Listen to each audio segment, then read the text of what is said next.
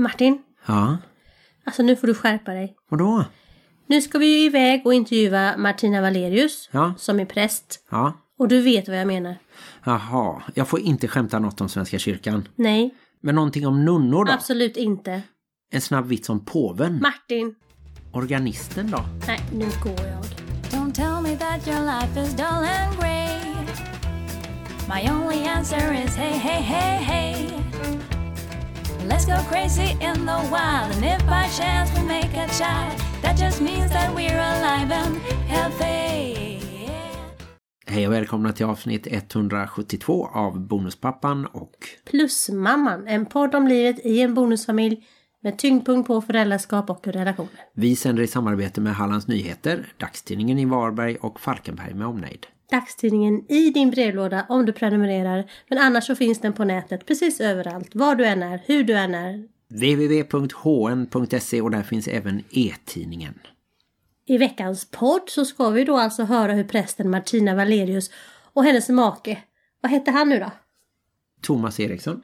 Ja, de designade ju sitt hus för att få plats med hela bonusfamiljen med tre barn var innan de träffades. Det ska vi få höra lite om. Ja, det blir ju alltså sex barn tillsammans. Då klår de ju till och med oss.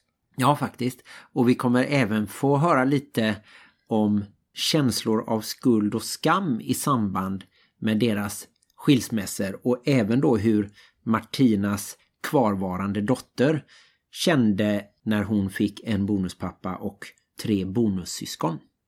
Precis, väldigt intressant att få höra det från ett barns synpunkt. Ja, vi har inte haft med så många bonusbarn i podden. Ni kanske hör att jag är lite skrovlig och eh, i veckan kan jag ju berätta att jag har ju inte corona. Nej, du har testat dig för eh, covid-19 och det blev ju ett negativt provsvar därefter. Topsningen som du fick göra. Det var en väldigt surrealistisk upplevelse att sitta och spotta i ett litet, litet, litet, litet, litet provrör i en bil. Ja, just det. Och även eh, trycka in en tops i näsan bland annat. Och sen har jag ju varit hos en läkare som har stoppat in en tops ännu längre in i näsan.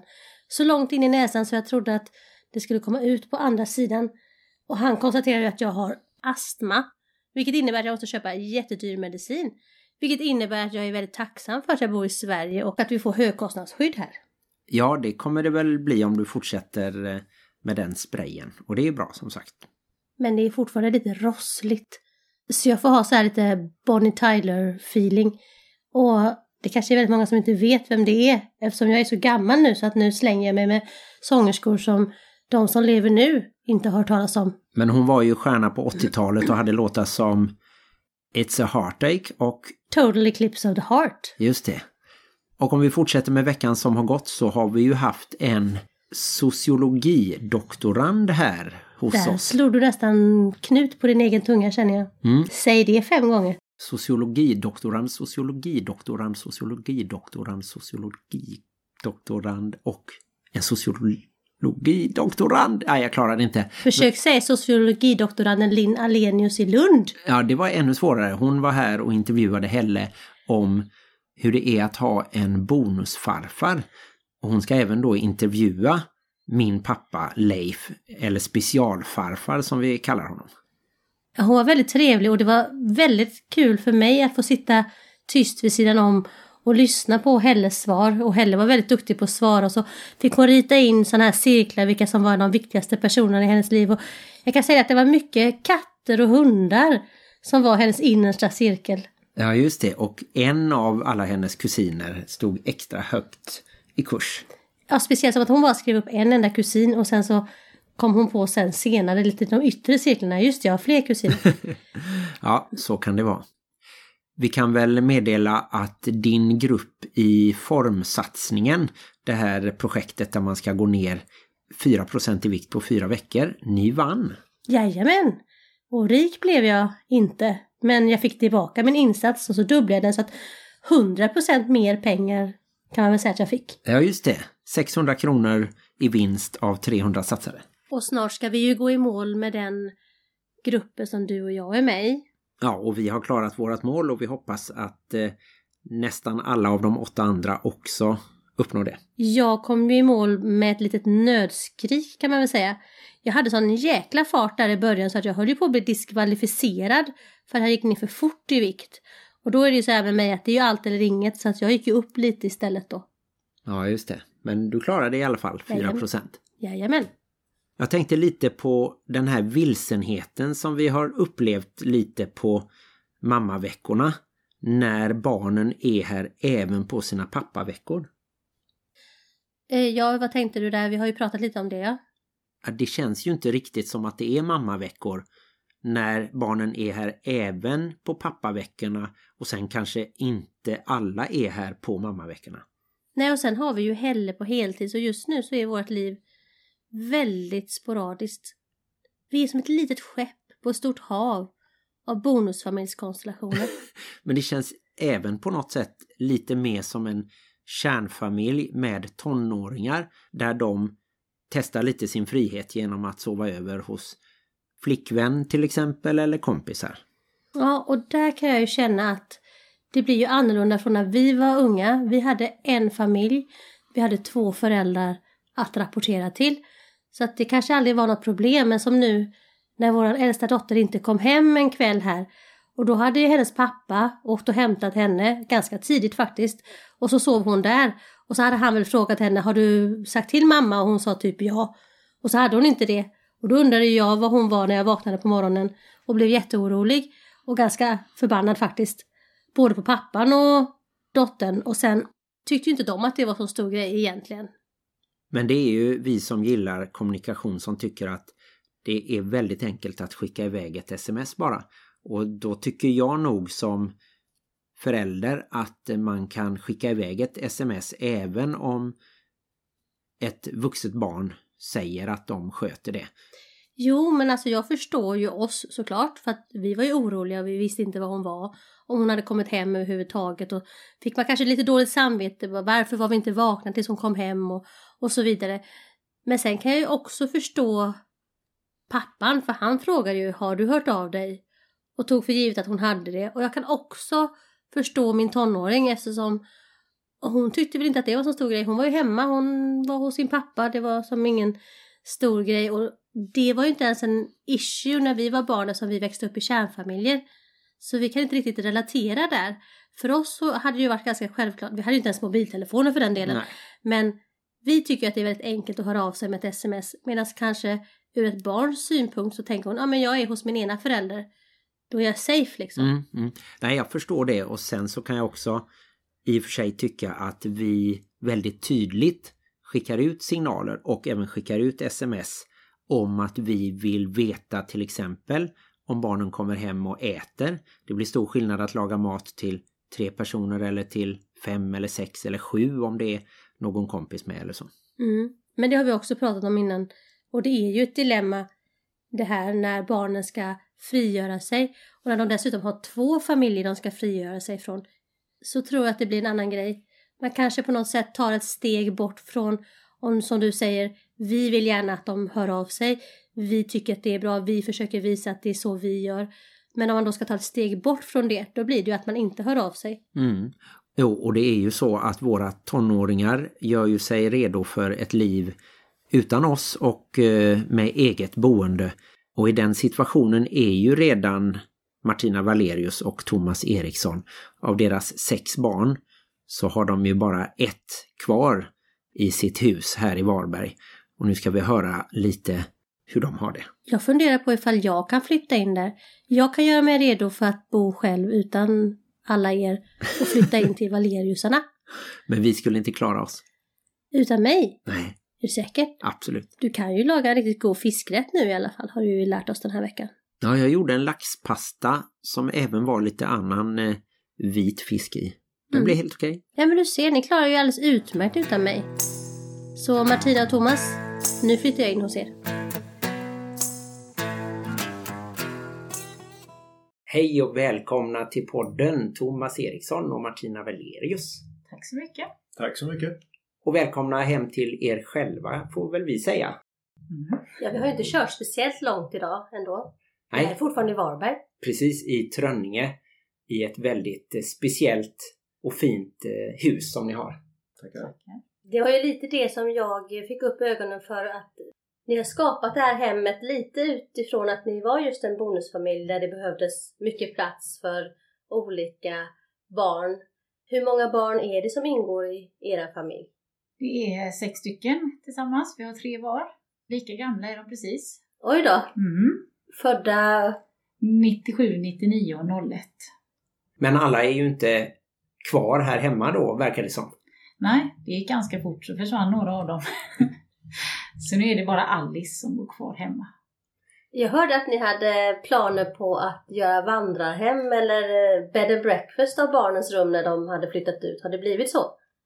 Det har det inte blivit ännu men däremot så har vi provat eh, en första steg och det är att vi just nu hyr, hyr ut den nedre våningen som blev eh, ledig när barnen flyttade till egna boenden eller eh, valde att inte, inte bo eh, här hos oss. Mm.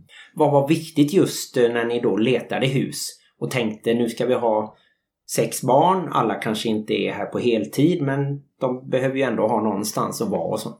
Ja, vi letade inte hus utan jag körde förbi det här huset och så sa jag till Thomas att det där är ett hus till salu eh, i Trönninge. Mm. Och så sa han att, eller han är alltid nyfiken, så han kollade Hemnet och så började han spana och så fick vi syn på att det var ju otroligt stort och vilka stora möjligheter.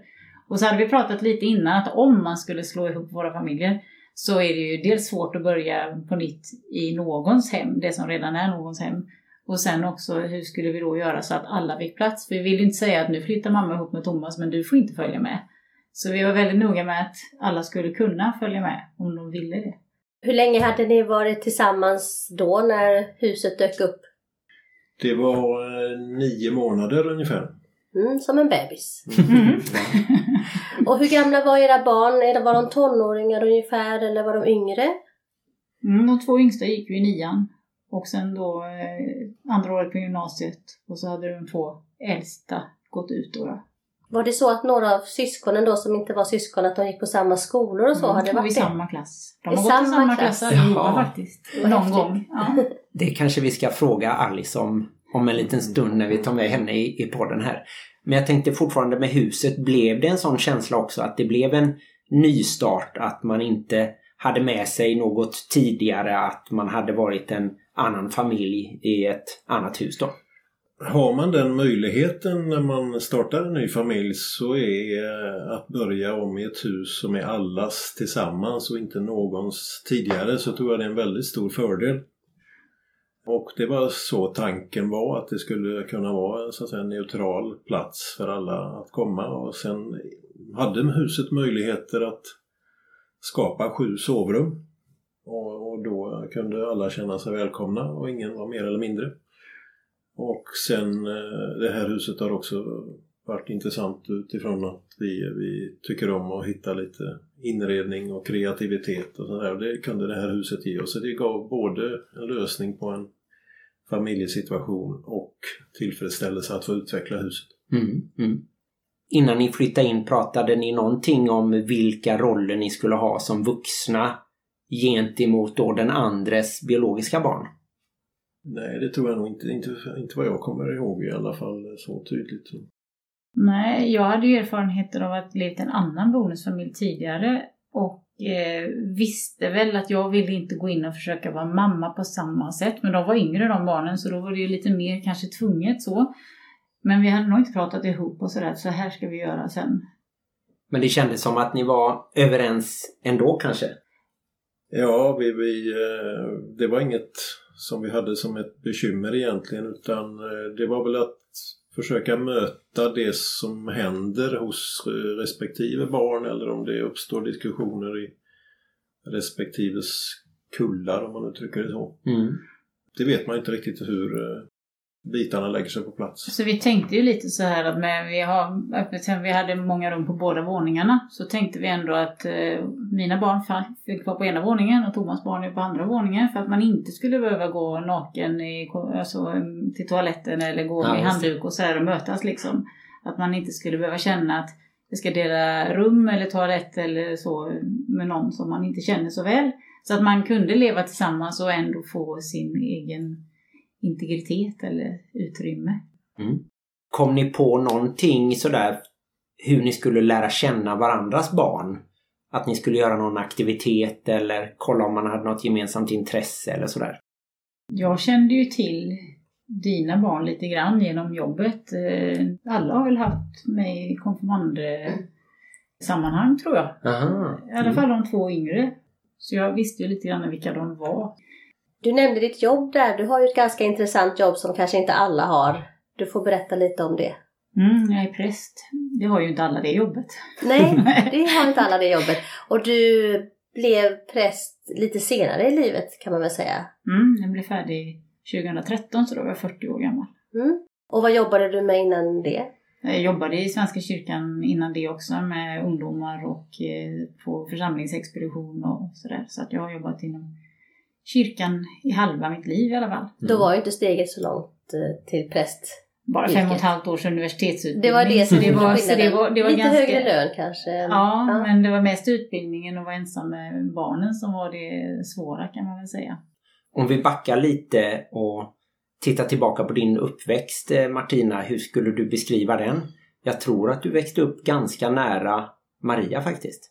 Mhm. Mhm. Men var växte jag upp någonstans?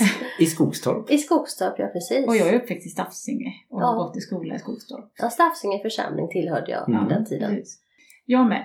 Jag är uppväxt i en familj med fyra syskon och mamma och pappa. En jättefin kärnfamilj som, ja, fantastiskt härligt på landet. eh, Så. Trivdes inte i skolan, hade inte så mycket kompisar för vi var lite sådär, bodde ju lite utanför samhället. Och jag var lite udda tror jag. Jag var nog en underlig unge på många sätt kan jag tänka mig.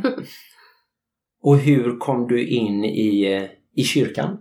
Det började ju redan som barn att jag var med och sjöng i barnkören. Började som sexåring och sen så slutade jag aldrig vara med i olika saker i kyrkan. Trivdes alltid där, kände mig alltid hemma. Har det påverkat den övriga familjen på något speciellt sätt? Ja, men det är klart att det gör. Allt man är och gör påverkar väl. Det påverkade barnen väldigt mycket när jag pluggade, för då gick det mycket tid till det. Vi hade inte någon god ekonomi. Det var väldigt mycket så. Det påverkar ju barnen. Och sen tror jag alla, alltså hur man resonerar och tänker om andra människor och det här att alla är lika mycket värda och ja, jag tror att det, har påverkat dem på jättemånga sätt tror jag. Du kan fråga Mm. Alice sen när du, om du vill. Ja, vi får göra det. Ja, vad hon säger. Jag blir lite nyfiken, vad jobbar du med? Eh, Jag jobbar på Ringhals med eh, tekniksidan. Jag jobbar, har jobbat som gruppchef i ganska många år så att eh, jag trivs med att utveckla grupper och människor i gruppen. Mm. Mm. Delar ni samma tro? Du är också kyrkligt engagerad. Eh, Vi delar samma tro men jag är väl inte kyrkligt engagerad kan jag inte säga men jag tycker det är kul att eh, gå på gudstjänsterna när Martina är där eh, för att höra hur eh, hon formulerar budskapet på ett bra sätt som passar i dagens livssituation och som är väldigt långt ifrån den eh, nidbild man ofta möter om eh, vad kyrkan är och vad en präst är och, och det är väl något som som jag tror är större än vad man kunde föreställa sig att, att runt omkring oss eller runt omkring Martina och även kanske hos mina barn och de som är runt omkring dem så projiceras en bild av hur en präst är. Mm. Och det gör inte saken lättare kan man säga utan eh, då, då får man ett trappsteg till. Mm. Och det har vi det har varit ett litet hinder eh, längs vägen. att Man har sett på filmer, man har sett på Fanny Alexander hur präster är så att säga. Och det, det, det, det sitter där och det, det, du möter det ju dagligen fast i församlingsmedlemmarnas ögon så att säga. Mm. Har det varit några teologiska diskussioner runt köksbordet?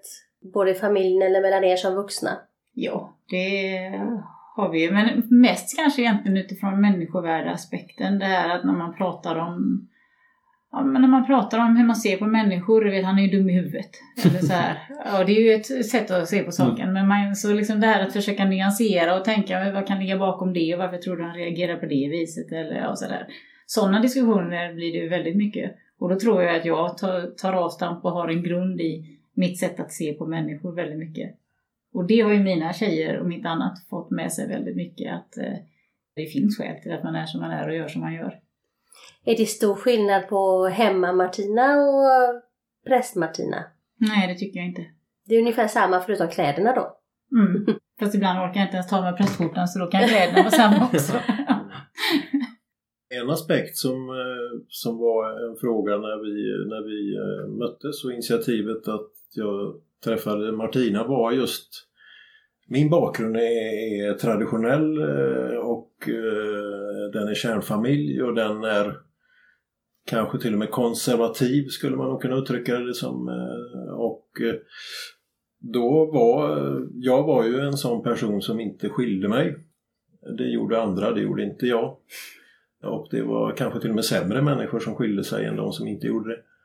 Och, och det gjorde att eh, jag kände ett behov av att prata med någon och då tänkte jag att Martina måste ha en erfarenhet där skam eller andra frågor har varit viktiga för hon har ju så att säga som jag såg det då avträtt löftet när man gifter sig om man uttrycker ja, sig så. Inför eh, Gud. Och jag, jag hade mycket skam med mig länge. För det var så uh, etiketten var satt så att mm. säga. Och det, mm. det jobbar jag ibland fortfarande med. Det är jätteintressant. Var det så för dig att det fanns ett, ett motstånd när du kände att du behövde skilja dig? Att det tog emot extra mycket?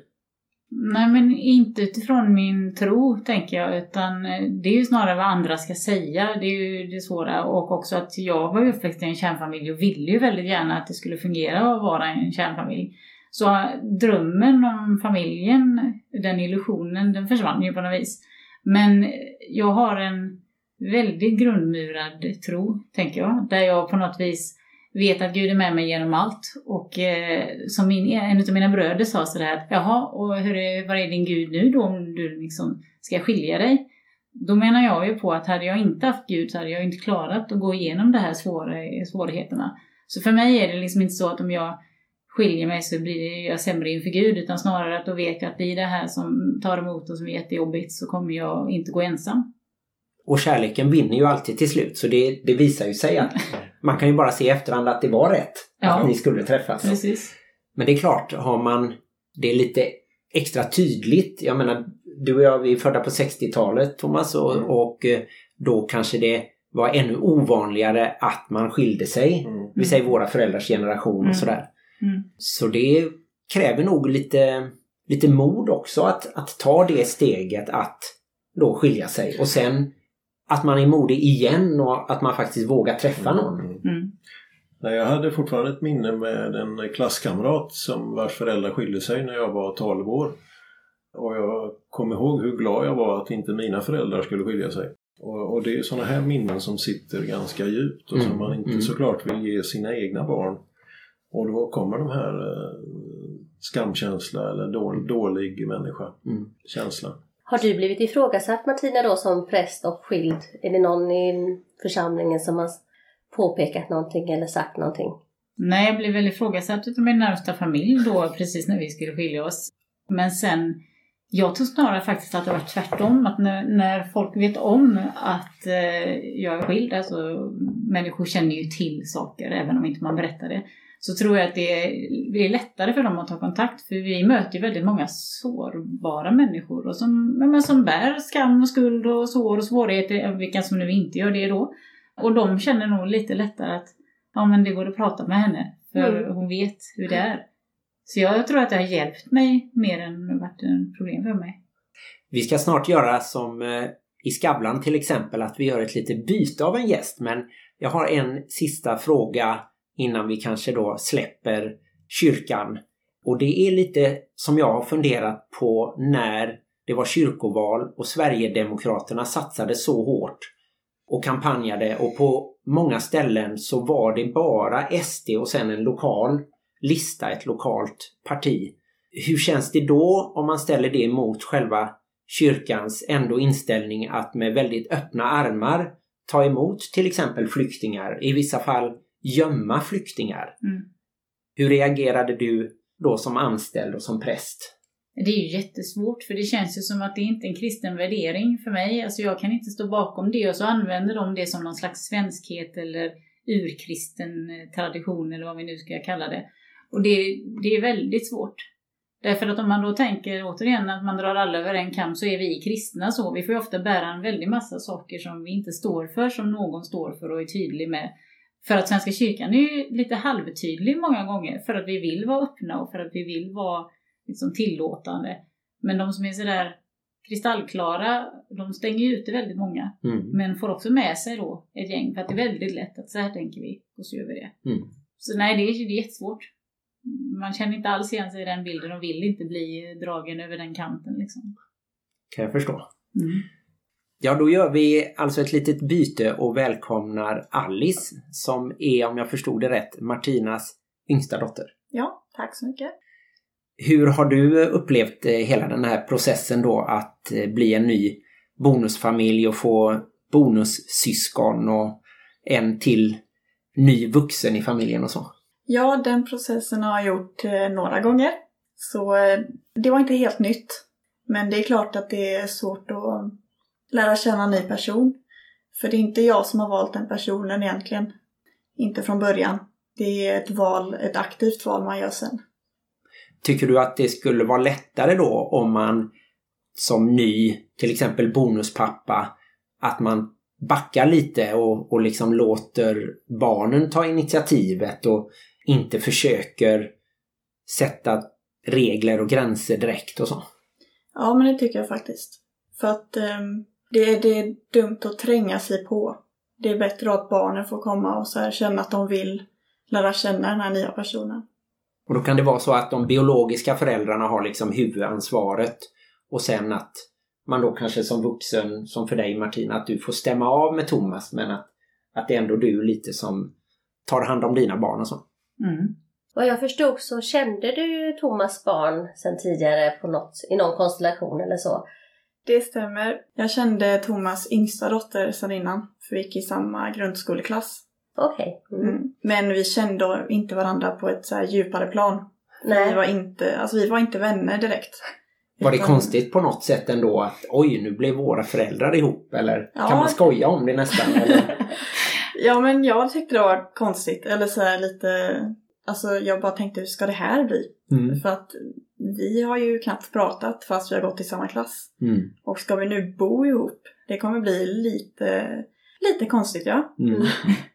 Då när ni flyttade ihop, eh, då blev det ju så att du flyttade ihop med, ja, inte bara Thomas utan också hans tre barn. Vi har inte pratat om det var pojkar eller flickor. Två pojkar och en flicka. Ja. Mm. Kände du ändå att du kunde vara dig själv hemma?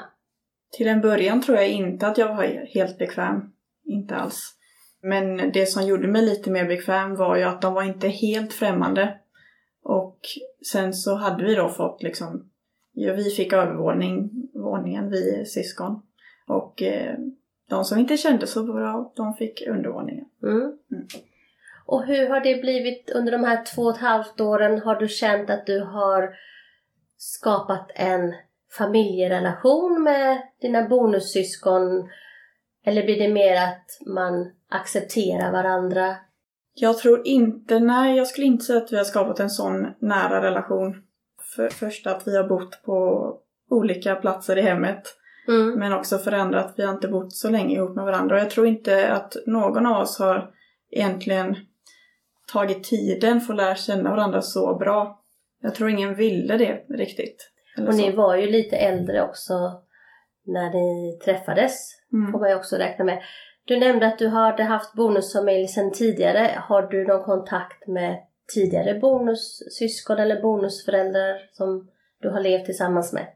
Ja, lite. Lite så. Följer på Instagram och säger grattis på födelsedagar. Lite sånt. Mm. Mm. Har huset ändå då hjälpt till så att det, det funkar just eh, i början att man, att man kan gå undan om man behöver och sen kan man ha andra rum som man vet att man, man kan träffas om man vill liksom kolla läget. Ja, det tycker jag. För när man skulle upp och äta då träffades ju alla ändå. Så då var man ju lite tvungen till att prata och lära känna varandra så. Men sen så kunde man ju välja att gå undan när man ville det. Var det som att vara på två och ett halvt års långt konfaläger ungefär? lite kanske.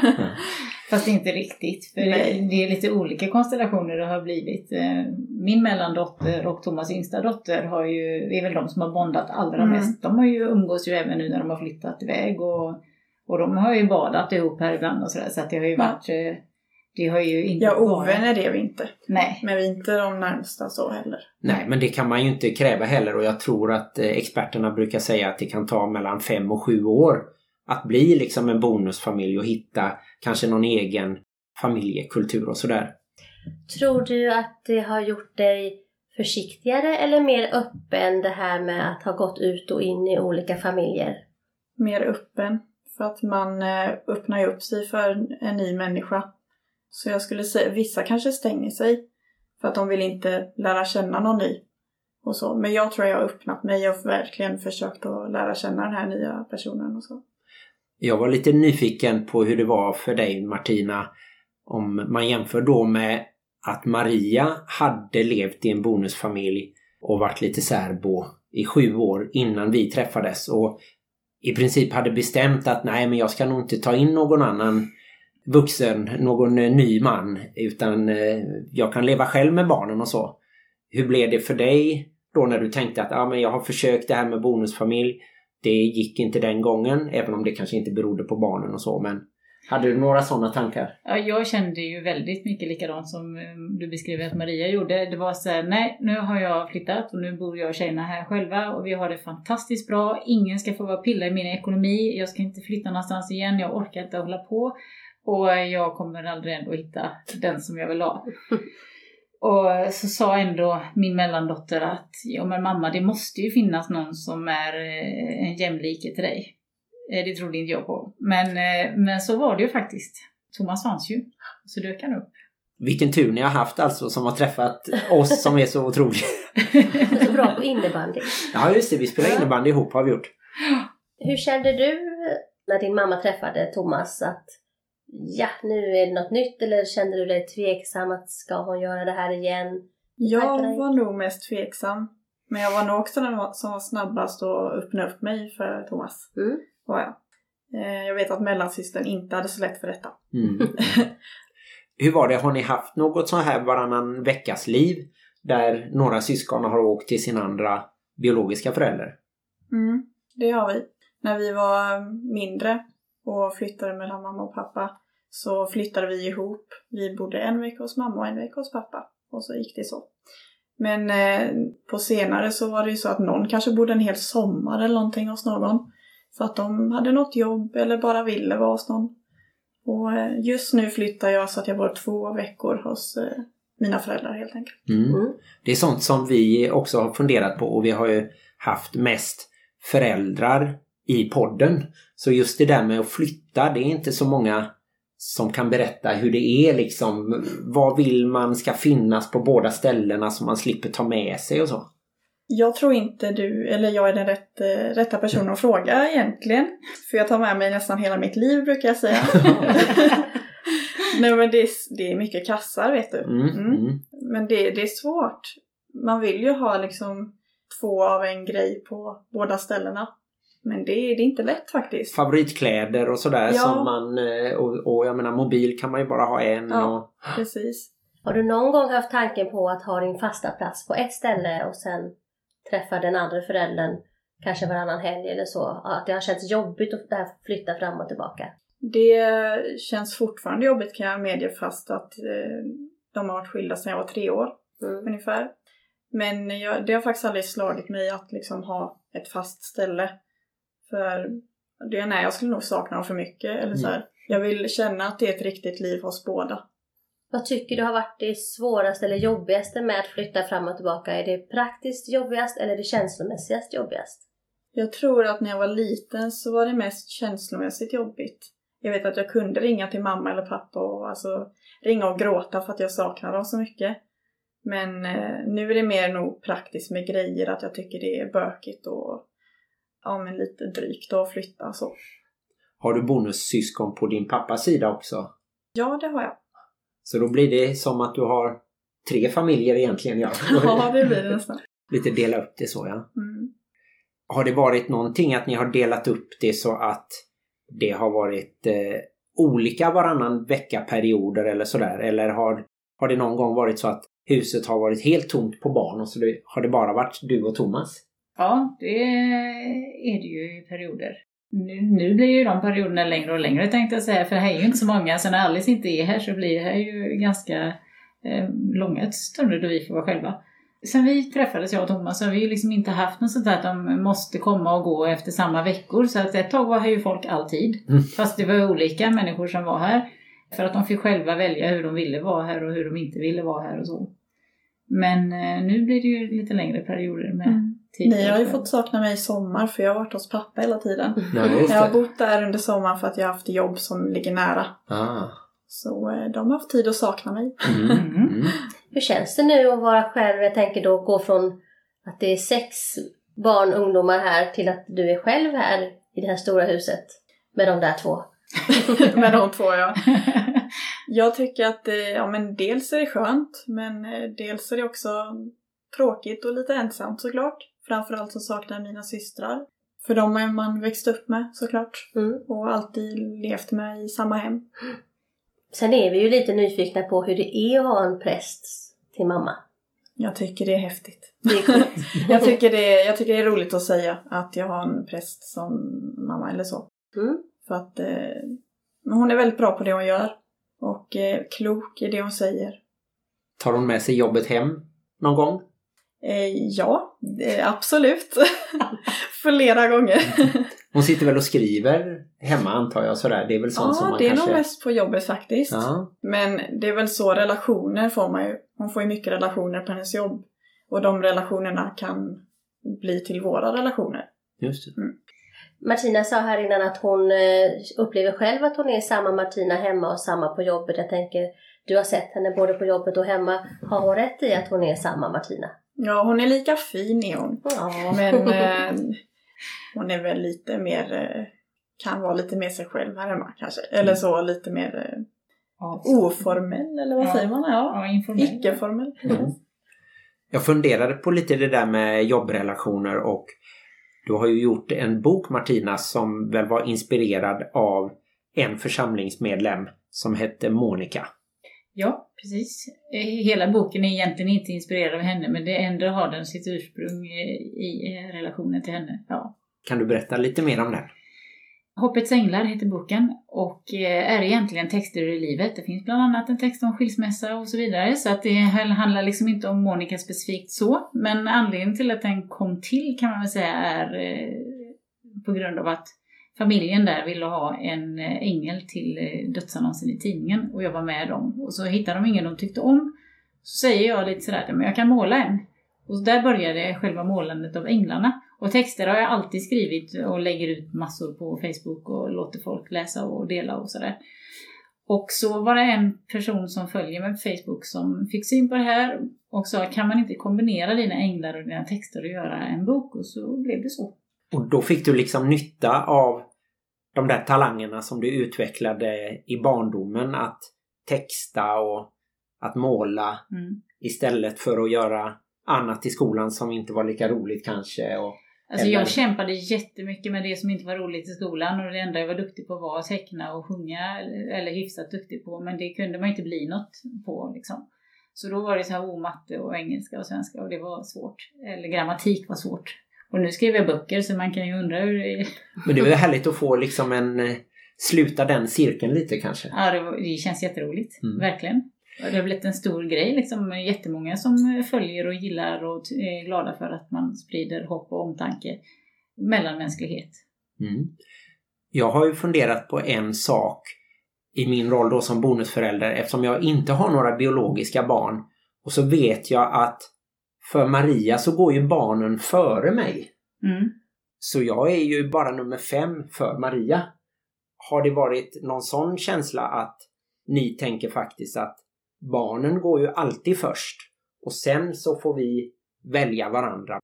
Jag tror att det känns lite annorlunda för oss när vi har tre stycken var. Att på något vis så... Och så var de lite större barnen. Så vi har ju valt varandra mest, skulle jag nog vilja påstå. Och sen... Eh, Thomas har lyckats väldigt väl att bli en, en del av utav tjejernas liv och jag har lyckats lite mindre väl att bli en del av hans barns liv. Jag tror, jag tror att vi ändå har valt varandra och ser att vår vuxenrelation måste fungera för att de, de pendlar lite hit och dit och är på väg ut i livet och ska testa oss och sådär. Så vi har försökt att stå ganska starka tillsammans. och tänka att de kan ändå inte välja oss på det sättet för de måste testa och liksom vara vuxna och de det handlar inte om att vi inte älskar dem mest och att de så naturligtvis är något så är vi ju där direkt. Men vi försöker finnas för varandra väldigt mycket. Och så är barnen en del av det. Det balanserar nog upp bra just att ni också har tre barn var i samma ålder så ja. Mm. Att det hade varit skillnad om någon hade tre barn och någon hade sen ett, ett barn bara som var mycket yngre och så. Mm, precis, det hade gjort hela skillnaden. Men nu är det ju, de är ju på samma plats i livet. De är på väg ut och de har så mycket annat för sig och sådär. Så jag tror att det är lite grann det som gör skillnaden mot er situation. Vi hoppas ju gärna att vi ska få en liten eh, hussyn här och kanske ta lite bilder som vi kan lägga ut eh, på våran sida också så ni andra får se det här fantastiska huset.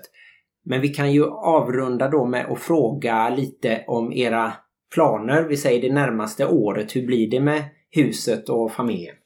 Ja, men jag tror att det kommer se ut ungefär som det gör just nu. Eh, om inte Alice får för sig att hon ska flytta inom kort eh, så tror jag att det blir så att vi har eh, nedervåningen uthyrd. Och eh, här uppe får man komma och gå som man vill. Och det finns även rum som man kan komma hem och stanna över och så, vem som helst vill utav de andra som vill komma. Och det gör de ju lite hit och dit fram och tillbaka. Så jag tror att det ser nog ungefär lite likadant ut. Förutom du vet, sånt där som man drömmer om att göra i trädgården och sådär. Ja. Ja. Och om man vill eh, läsa lite av dina texter så kan man väl gå in på din blogg till exempel. Det kan man göra. Hoppets Änglar eh, heter sidan på Facebook. Där kan man läsa mina texter. Man kan, också, man kan ju naturligtvis följa mig som person också. För apropå att jag är i samma som präst och privat så heter jag bara mitt eget namn och finns där och eh, tycker bara att jag känner igen att när vi har gemensamma vänner eller att man är från samma land ungefär så brukar jag tänka att ja, det är nog någon som vet vem jag är. Mm. Det är bara att söka på Martina Valerius, enkel-V och två L. Precis. Mm. Mm.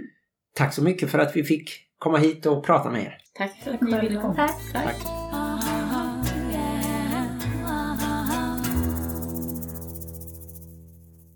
Då tackar vi Martina och Thomas för att vi fick titta in hos dem bokstavligen.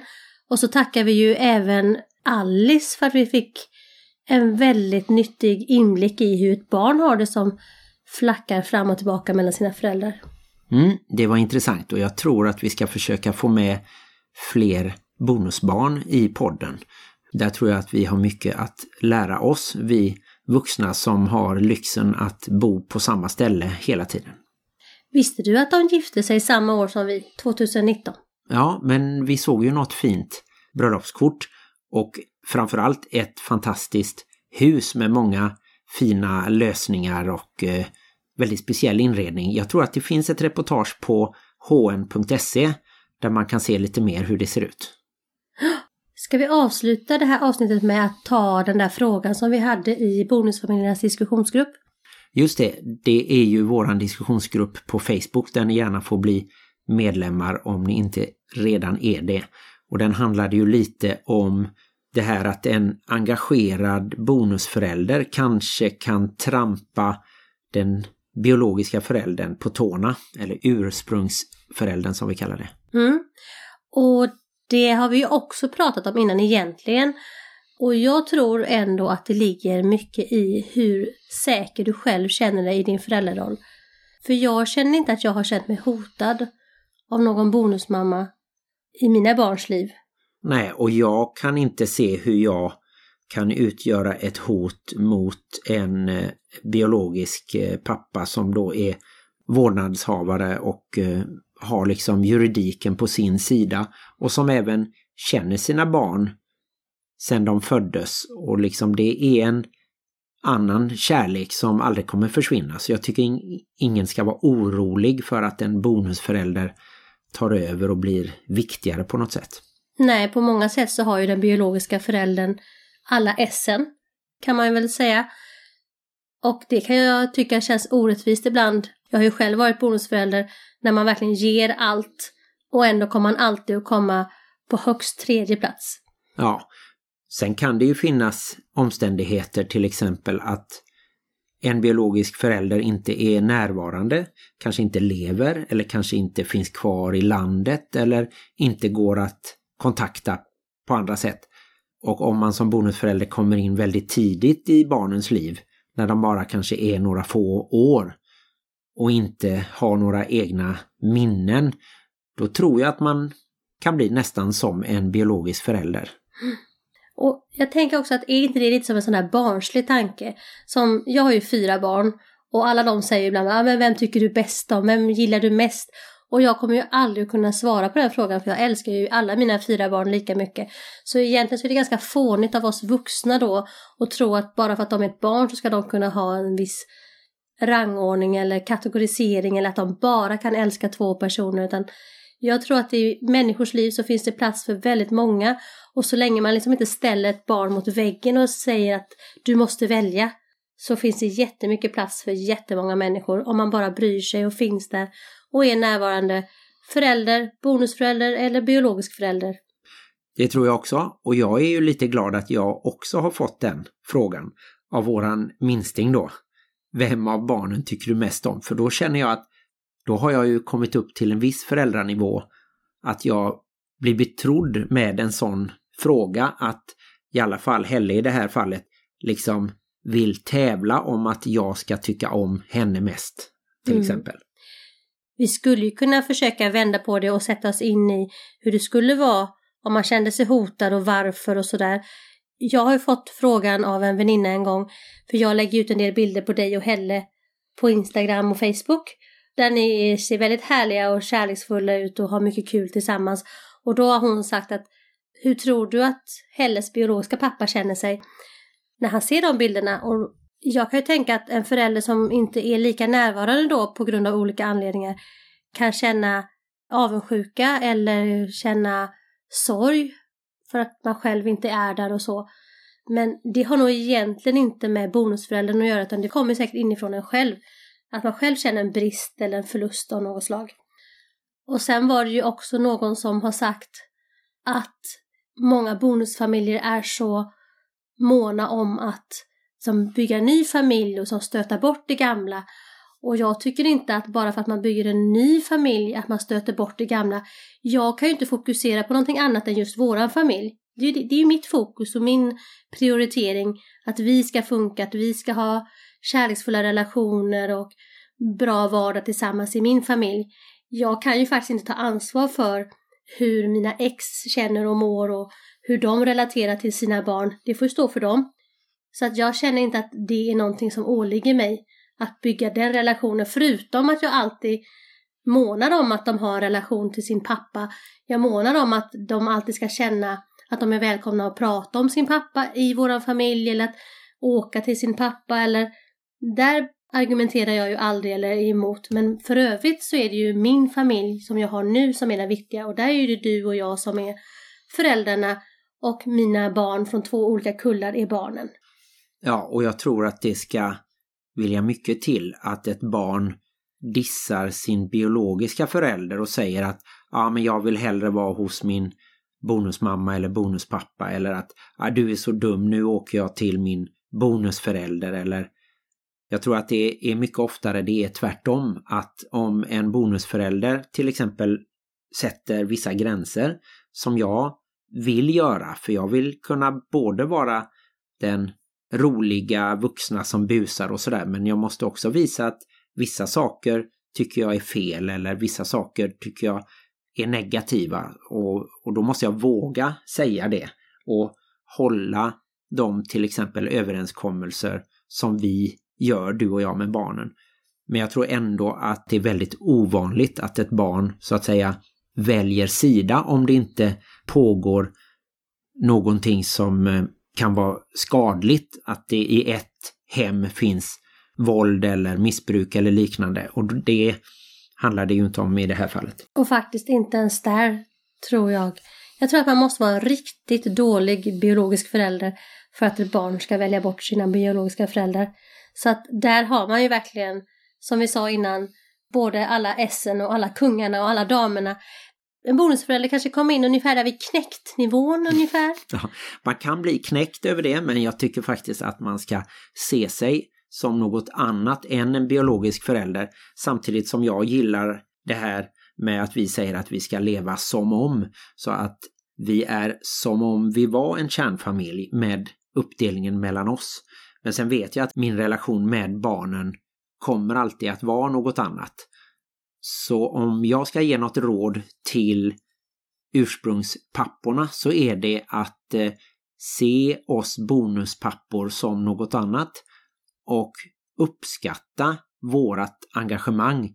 Vi vill inte ta över, vi vill inte ta eran plats. Det var ju vackert sagt. Det kan väl få avrunda det hela och frågan vi ställde från början var ju kan en bonusförälder trampa bioföräldrarna på tårna och vad ska man göra åt det? Och jag tyckte du sammanfattade det väldigt bra. Jag ska försöka komma på någonting att säga till bonusföräldrar då kanske. Och eh, då är det väl att försök inte att tävla med den biologiska föräldern utan precis som Martin sa, var någonting annat, var någonting eget, var en egen resurs i dina bonusbarns liv. Och försök inte att ta någons plats. Jag tror inte att någon försöker det. Men om man skulle göra det så gör inte det. Nej, försök inte kasta diskus längre än Daniel Ståhl eller hoppa högre med staven eh, Mondo Duplantis. För det går inte. Jämför vi biopapporna med väldigt duktiga idrottsmän i det här scenariot? Ja, jag tror att man eh, riskerar bara att förlora om man gör en sån utmaning mot eh, de biologiska föräldrarna. Jag tycker att man ska gå sin egen väg istället. Hela den här klassiska min pappa är starkare än din pappa-grejen. Ja, ungefär så. Jag var väldigt besviken första gången jag insåg att min pappa faktiskt inte var starkare än alla andra pappor. Men han är väldigt mysig. Jag var och drack kaffe med honom eh, idag. Jag tror fortfarande ibland att pappa är starkast i världen. Ja, det är härligt att kunna tro det. Gå gärna in och bli medlemmar i Bonusfamiljernas diskussionsgrupp på Facebook och skriv kommentarer till exempel i den här frågan om ni har några bra åsikter där. Eller skicka in en egen fråga så kommer ni garanterat att få svar. För vi har många smarta och eh, intresserade föräldrar, både bonus och bio i våran grupp. Och vill ni bara prata med oss och kanske diskutera en speciell fråga så kan man ju också skicka PM och DM och EM höll jag på att säga. Men man kan skicka mail till Till bonuspappan.plusmamman gmail.com och allt det andra jag sa kan man ju göra på Facebook och Instagram. Just det, ni kan söka på plusmamman så hittar ni oss där. Är det inte bättre att hon söker på bonuspappan och plusmamman? Ja, det kan man göra på Facebook och bonuspappan.plusmamman på Instagram. Söker man bara på plusmamma så kommer man bara till mina konstiga viktminskningskonton. Ja, just det. Du har lite sånt också. Är man intresserad av olika kost- och hälsofrågor så finns det ju ett annat bra konto som heter 69 dagar. Jag satsar på att bli minusmamman. att du ska gå ner ytterligare lite i vikt, ja. Mm. Men det får ni höra mer om nästa vecka. Tack för att ni har lyssnat och glöm inte att bonus... Vad brukar jag säga? Och glöm Livet inte, är- glöm inte vad man brukar säga i slutet på bonuspappan och plusmamman. Vilket är, glöm inte att livet i bonusfamiljen kan vara både, nej, kan vara besvärligt. men också härligt. Trots att man har icke-corona-hosta. Hej då. Hej då! Vi skulle nämligen inte säga det där långa hej då. Nej, Lovade vi förra jag gången. gillade det här hej då. Det var mer sporadiskt. Ska vi även eh, avsluta utan att ha sånt här outro-snack? Mm, ja, det kan vi väl göra. Då kör vi bara musik nu då. Mm, kör.